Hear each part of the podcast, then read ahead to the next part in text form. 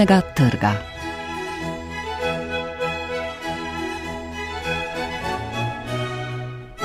Dobar dan, v oddaji iz knjižnega trga nas tokrat čakajo zbirka pesmi Milana Vincetiča Postile, kratka proza Vesne Lemajič, trznil je, odprla je oko, pripovedi Brede Mulec, Vaški kodec in raziskava Blaža Kosovela, zakaj ZDA nimajo Ministrstva za kulturo. Recenzije so napisali Andrej Lutman, Miša Gams, Marica Škorjanec Kosterca in Leonora Flis. V začetku meseca je minilo pet let, odkar je umrl Milan Vincetič in ob tej priložnosti sta slavistično društvo Prekmurja, Prlekije in Porabja in srednja poklicna in tehnička šola v Murski soboti, kjer je pokojni pesnik in pisatelj počeval slovenščino, izdala zbirko njegovih najzgodnejših in še neobjavljenih zadnjih pesmi in pesniških zasnutkov iz njegove zapuščine. Ob tem pa so se mu poklonili še z dokumentarnim filmom. Knjigo pesmi z naslovom Postile predstavlja Andrej Lutman. Knjiga Postile, izdana ob peti obletnici odhoda Milana Vincetiča v Breščasje in opremljena s slikami dveh akademskih slikarjev, Aleksandra Červeka in Mirka Rajnerja, je ena izmed bolj dovršenih knjig, ki sestavljajo Vincetičevo vseživljenjsko ustvarjanje. Naslov izhaja iz liturgičnega podajanja delov besedil, uporabljenih pri pridigah oziroma interpretacijah evangelijev. Tak je tudi naslov dela knjige, ki vsebuje pesnikove verjetno zadnje palimpsestne stvaritve. Knjiga vsebuje še pesmi iz zbirke, ki je išla v enem samem izvodu, pa še tega je pesnik sam sestavil, se pravi, da si je bil tudi tiskar in knjigovezec.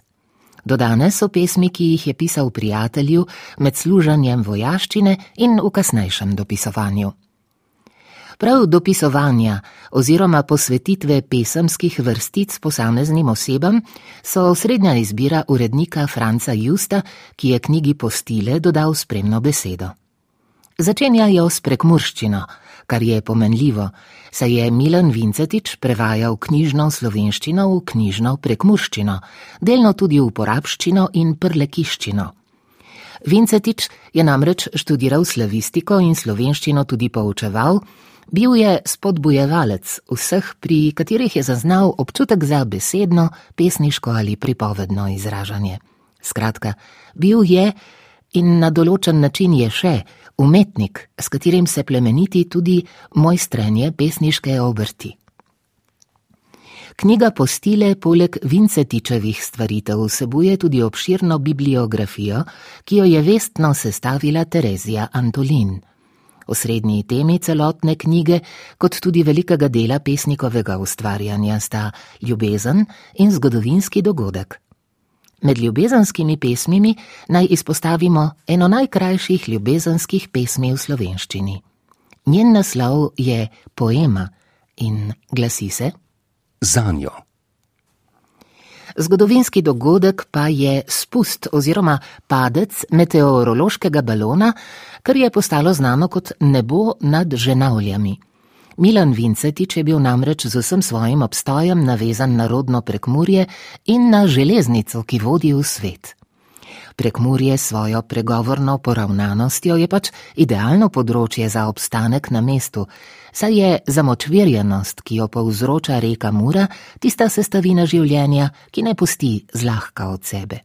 Ostaja torej letenje ali lebdenje. Je morda še kako drugo stanje, ki bi bolje zaznamovalo pesnika? V pesmi Mostiček pesnik vsaj nakaže muke zamočvirjenih. Specenca se obeša čez penzion in pol drevesa, ki racajo v tujski park, v katerem sivi testeninar zakrknjeno poseda na vozičku, ki brezvoljno ga potiska zlata hčera do mostička, ki pomeša vse poti v nebesa. V izpostavljeni pesmi se vsekakor zrcali tudi Vincetičevo smešanje lastnega zaznavanja okolja in sebe v njem. Takih in primerljivih posmehovanj je v knjigi postile največ.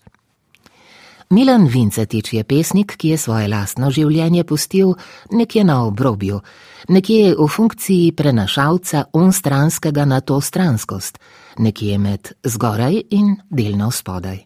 Vzvišenost in pritlehnost sta le par nasproti, ki pesniku omogočata, da nasprotja razkrije kot le in zgolj skromnost, s katero določa miro svojim izpevom. V pesmi ptica zapoje. Počakati je treba vsaj do otave, živo puško. In se šiti ne bo. Prebedeti je treba, o prižgani posteli in pripovedovati zrcalu in kletki iz mahu.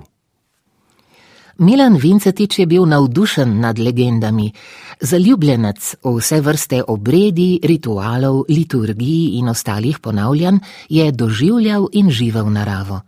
Nič novega torej, saj kateri pesnik pa ni ljubil narave. A ustvarjal je umetnost, ki ni del narave, saj je umetna. Na tako izpostavljenem stičišču obstaja tisto srečanje, ki je pravzaprav razcep. Odtot tudi predmet, ki poleg trdne snovi vsebuje še zrak. To je balon. Predmet, ki je najbolj občutljiv za vsakršno spremembo, dovzeten za vsakokratne stike zemlje z nebom. In pesnik se je spoprijateljil s sapo, s katero izgovarja pesem, in s šumečimi listi, na katerih so njegove pesmi. Cikl papirnate ladice se začne z besedami: Ne dam vam zaiti v ocean.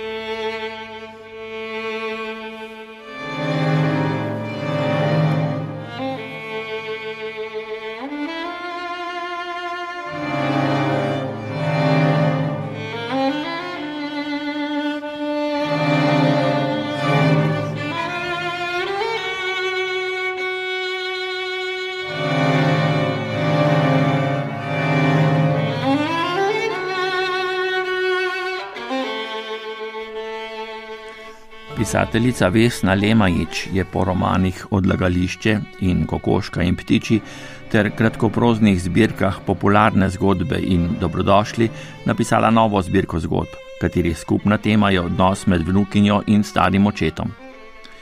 Knjigo z naslovom Trznil je, odprla je oko, je izdala Cankareva založba, interpretirajo Miša Gams.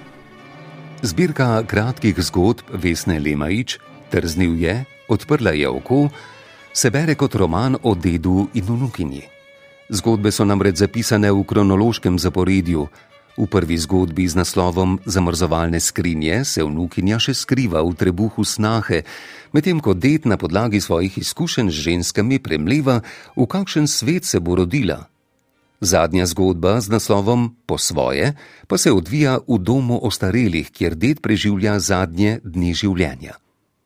Nova knjiga Trznil je odprla je oko, nas na duhovit način vodi v obujanje spominov na preživljanje dragocenih trenutkov s starimi starši, obenem pa jo lahko beremo kot družbeno refleksijo tranzicijskega obdobja, ko so se novo nastale države po razpadu Jugoslavije soočale s pomankanjem delovnih mest in nastankom prekarijata, del katerega je tudi odraščajoča vnukinja.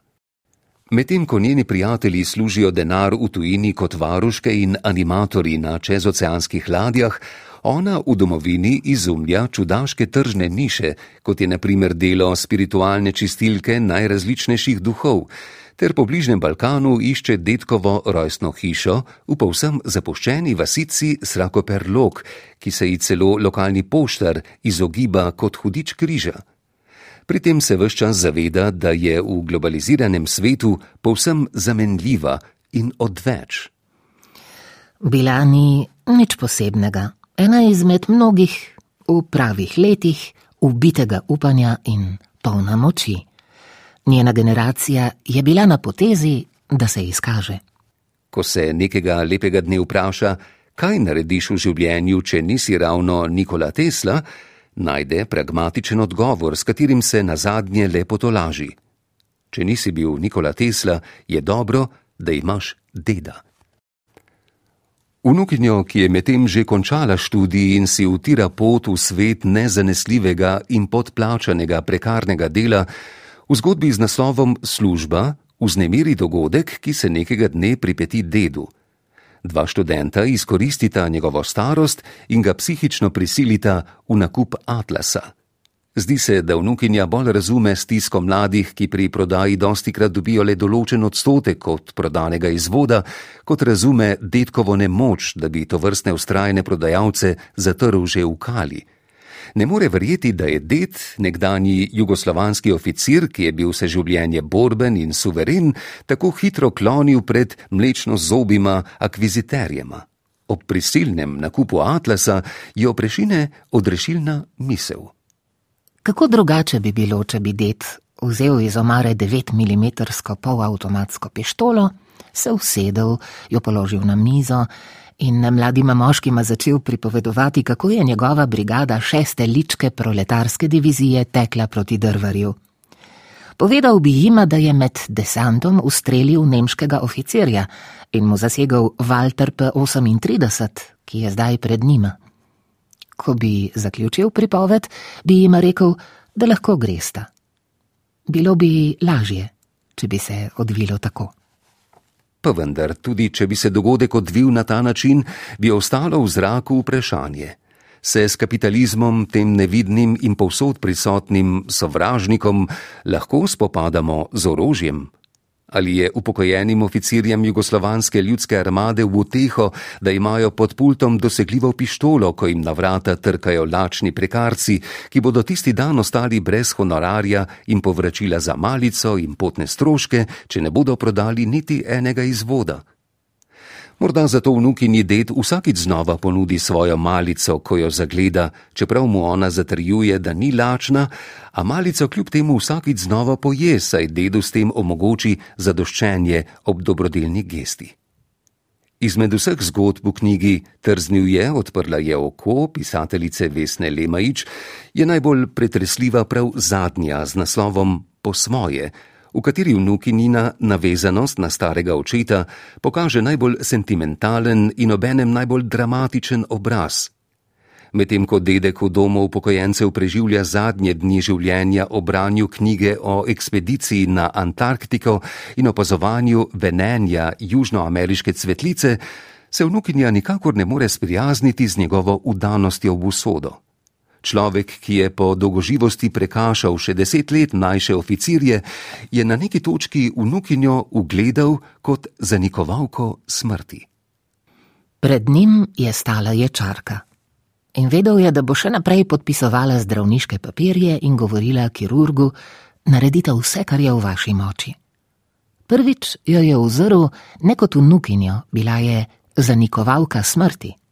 Njena volja bi ga lahko držala pri življenju še leta.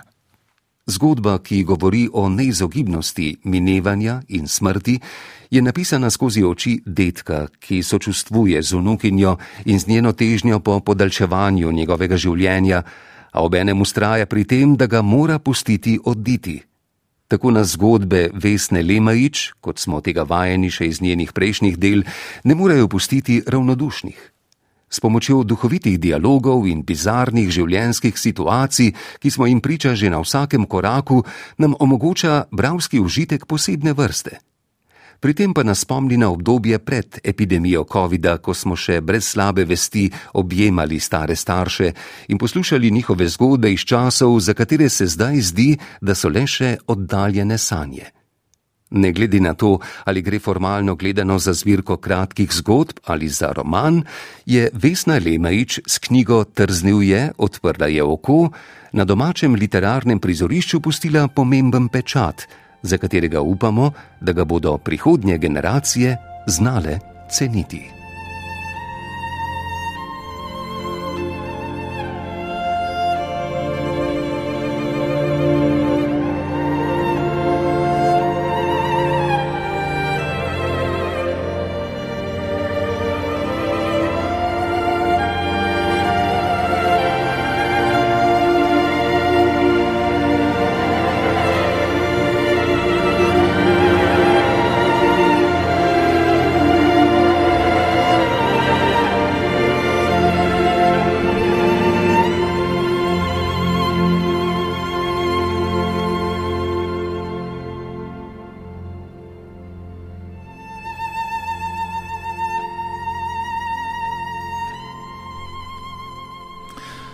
Breda Mulec, pravnica in univerzitetna predavateljica, poleg strokovnih člankov in znanstvenih monografij piše tudi pravljice za otroke. Zbrala in priredila pa je tudi raznovrstno spominsko izročilo iz krajev med Dravo in slovenskimi goricami.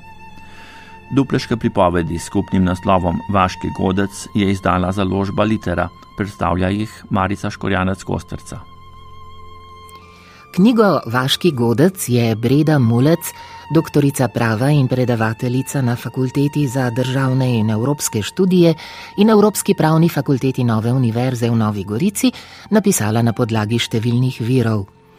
V zadnjih letih se poleg znanstvenega dela s posebnim zanimanjem za zgodovino in ljudska pričevanja vrača v domače kraje, deželo prednikov, kjer je preživela otroštvo, v vasi ob Dravi in bližnjih slovenskih goricah, Duplek, Vurberg, Korena, Ciglence.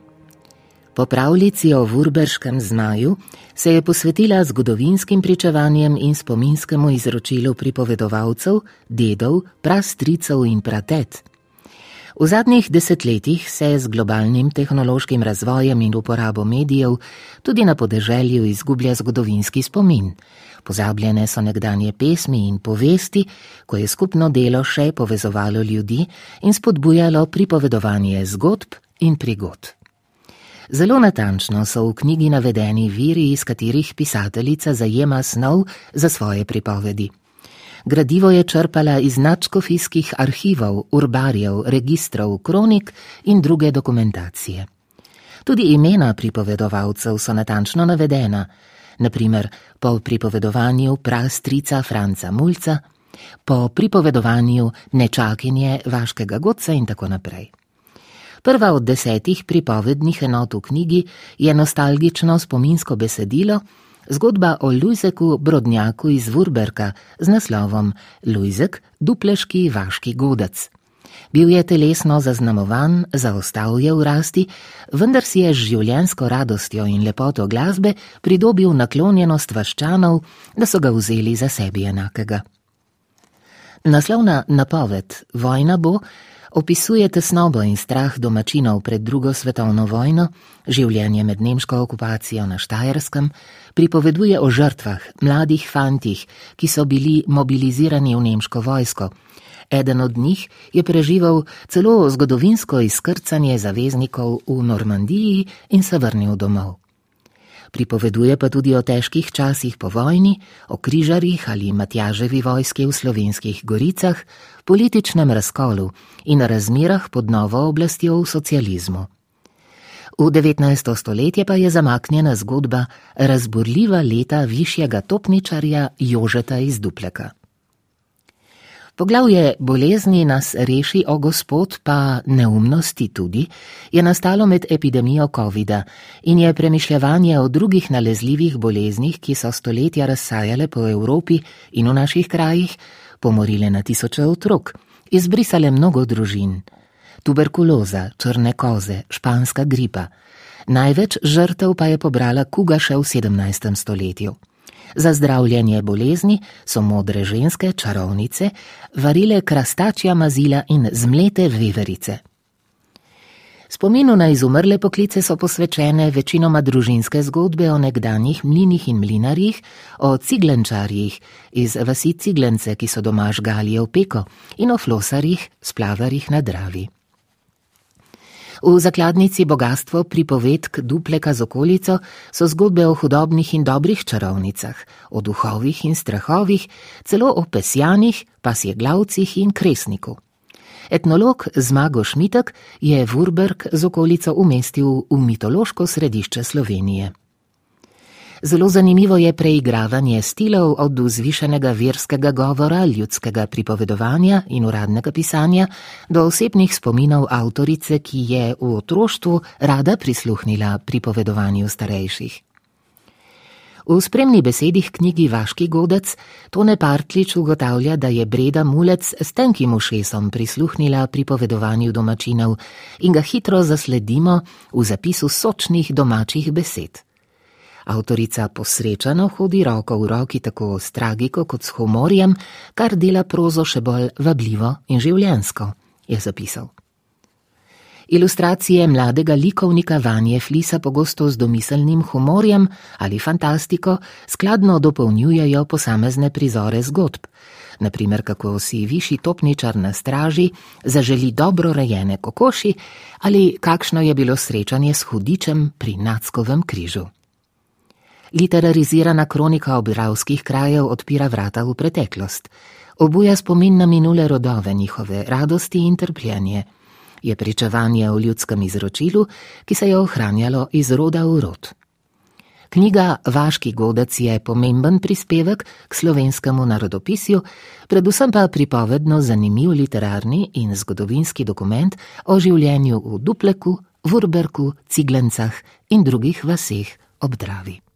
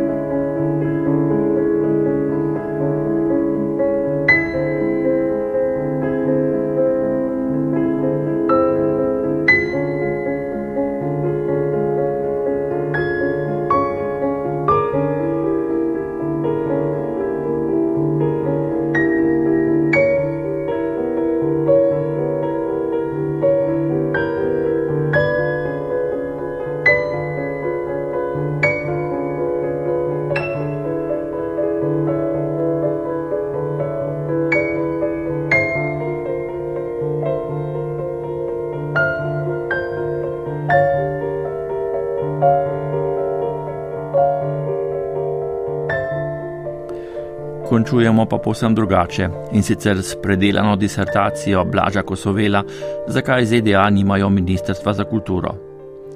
Širino avtorjevega razgleda dodatno ponazarja pod naslov: Od agrikulture do kulturne industrije, od mesta Rim do ameriške civilizacije. Knjigo je izdala založba ZRC, preučila jo je Leonora Flis.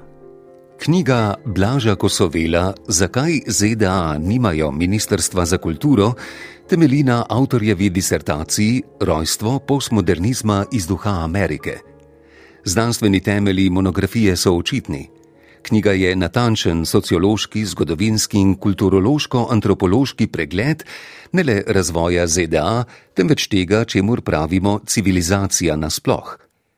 Kosovel začne svojo analizo v antičnem Rimu in nas prek najpomembnejših postaj v evropski zgodovini popelje v Združene države Amerike.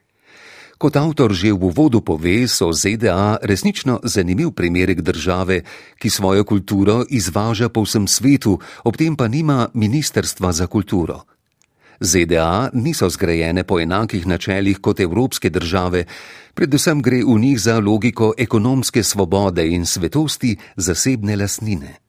Prvi del knjige ima naslov Rim, kultura, civis in religijo drugi del z naslovom Evropa, moderna družba, civilizacija in kultura se osredotoča na staro celino, tretji del pa, kot že rečeno, v precepu zame nastanek in razvoj Amerike in ima naslov ZDA, nova civilizacija.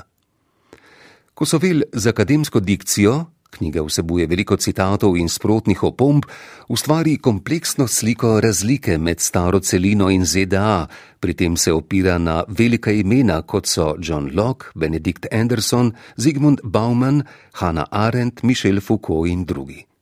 Kot pravi Hanna Arendt, se je koncept kulture najprej pojavil sredi prvenstveno poljedelskega ljudstva in umetniške konotacije, ki so bile morebitni povezane s to kulturo, so zadevale tesno povezavo latinskih ljudi z naravo. Odnegdaj je kultura označevala tudi skrb za spomenike in za ohranjanje dediščine. Stari Grki pa so raje kot o kulturi govorili o umetnosti. Polis je kraj, mesto, kjer je umetnost mogoča. Starogrški svet je bil svet slavne sedanjosti, pravi Kosovel, in ne dediščine preteklosti.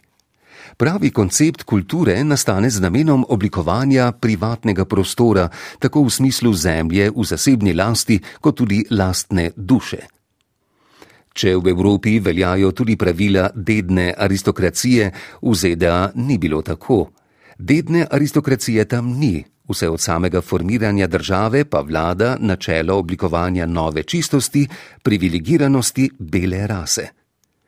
Ameriška družba je zgrajena na fundamentalno drugačnih temeljih kot evropska in zato kulture pravzaprav ni potrebovala. Vzpostavljanje ideje nove čistosti seveda prinese s seboj ropanje, genocid, zasužnjevanje lokalnega prebivalstva in suženske delovne sile iz Afrike. Amerika je utemeljena na rasni hierarhiji in belem supremacizmu. Tako Kosovel pojasnjuje temelje, na katerih so se oblikovale ZDA, skozi migracije, kolonizacijo, segregacijo in tako dalje.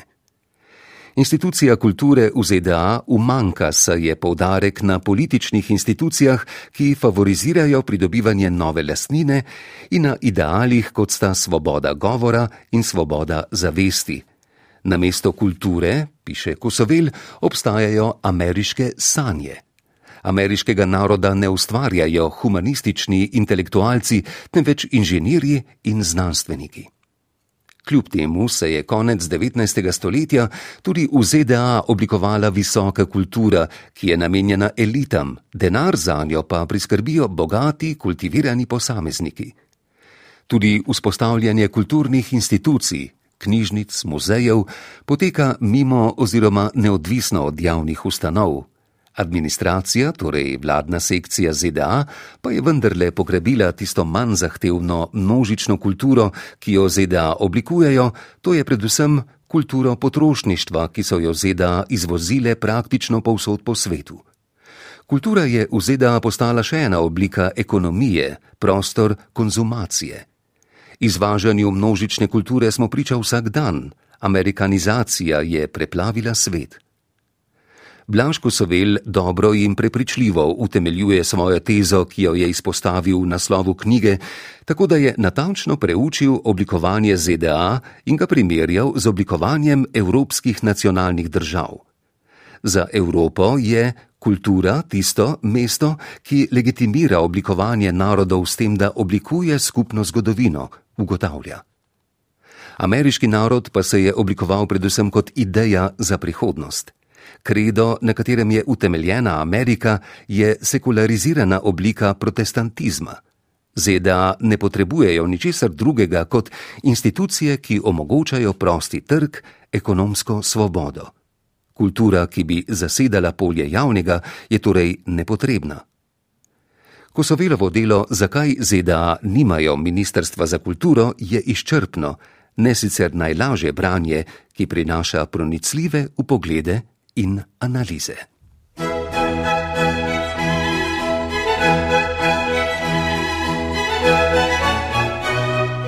Poslušali ste oddajo z knjižnega trga. Recenzije Andreja Lutmana, Miše Gams, Marice Škorjanec Kosterca in Leonore Flis sta prebrala Jasna Rodošek in Igor Velše. Glasbo je zbral Marko Šetinc, oddajo je posnel Blaž Kumše, uredil sem jo Vlado Motnikar.